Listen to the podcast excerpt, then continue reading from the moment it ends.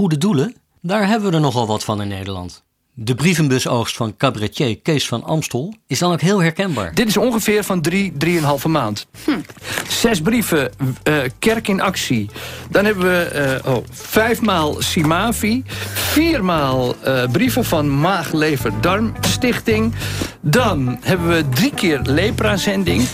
Tweemaal Lepra Stichting. Tweemaal KWF Kankerbestrijding. Tweemaal MS Anders. Tweemaal Hartstichting. Twee, één keer Kika. één keer Save the Children. één keer Trombose Stichting. één keer Dierenbescherming. één keer Bartimeus Zonneheert. Vereniging Blinden en Slechtzienden. Solidaridad. Rode Kruis Nierstichting. En eentje van het schimmige Wereldkankeronderzoekfonds. Goede doelen met vaak persoonlijk aansprekende thema's. En na een klein onderzoek bleek dat ik, als ik eerlijk ben... toch het meest geef aan stichtingen met ziektes die ik zelf nog kan krijgen. Ja, je wilt toch een beetje return on investment.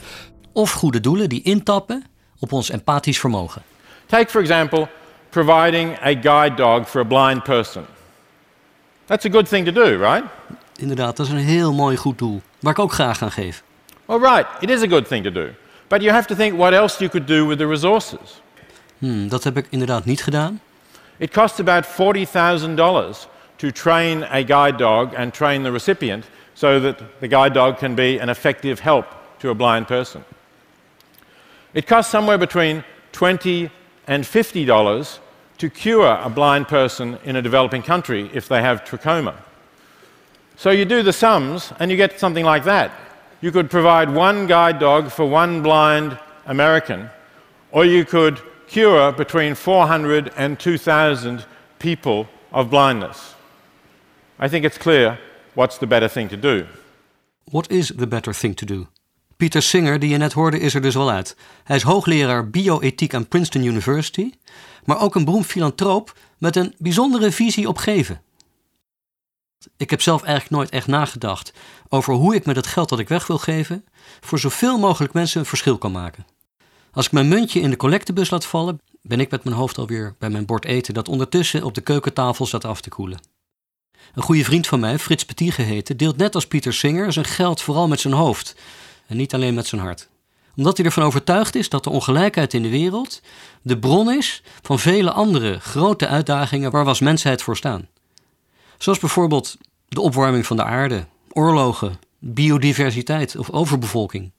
Frits geeft niet alleen heel veel. Uh, een paar jaar geleden was dat voor mij 30.000 en nu is, dit jaar zal ik uh, rond de 50.000 weggeven. Hij heeft daarbij ook heel duidelijk voor ogen. What's the better thing to do?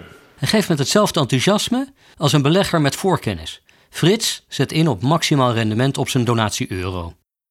Ik ben net als hij zelfstandig ondernemer.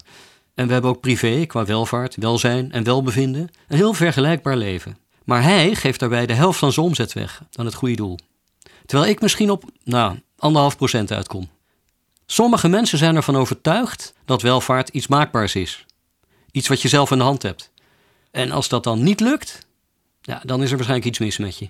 Well, the standard explanation was once summed up by the British Prime Minister Margaret Thatcher. And she called poverty a personality defect. A lack of character, basically. Je herkende zijn stem misschien al, dit was Rutger Bregman. Tijdens zijn TED-talk Poverty isn't a lack of character, it's a lack of cash. Bregman houdt zich al veel langer bezig met het onderwerp ongelijkheid en we zullen hem zeker nog gaan tegenkomen in deze podcast. Terug naar Frits, die is ervan overtuigd dat zijn welvaart vooral een kwestie van geluk is geweest. Zeker niet zijn eigen verdiensten. Ik heb, ik weet niet of ik je al verteld heb, maar ik heb met mijn huis in Amsterdam 25 jaar lang net zoveel verdiend als met mijn werk. Ja. En dat, dat vind ik iets bezopends. En de woningmarkt anno nu is inmiddels meer dan ooit de aanjager van de groeiende kloof tussen arm en rijk. Ja, de stijging van de huizenprijzen is eigenlijk al vijf, zes jaar aan de gang. Wat we wel zien is dat de afgelopen periode lijkt dat te versnellen. Als je kijkt naar de cijfers van het CBS, dan zijn de stijgingen van februari 2020 naar februari 2021 boven de 10% Ja, dat is echt hoger dan in de 20 jaar daarvoor. Het mondiaal groeiende verschil tussen arm en rijk is zelfs exponentieel te noemen. Statistics from the 2018 Global Wealth Report by Credit Suisse indicate that 1% of the world's wealthiest own 45% of the world's wealth. De afstand wordt steeds groter. In Amerika ging sinds de crisis 95% van alle groei naar de rijkste 1%. Poen, poen, poen, poen. De een zegt geld, de ander money, maar wij zeggen poen. Poen, poen, poen, poen. Zij je gedacht zijn wat je allemaal met poen kunt doen. Je hoort vaak zeggen dat geluk niet zo te koop is. Maar geld doet wonderen en vooral als het een hoop is. Poen, poen, poen, poen.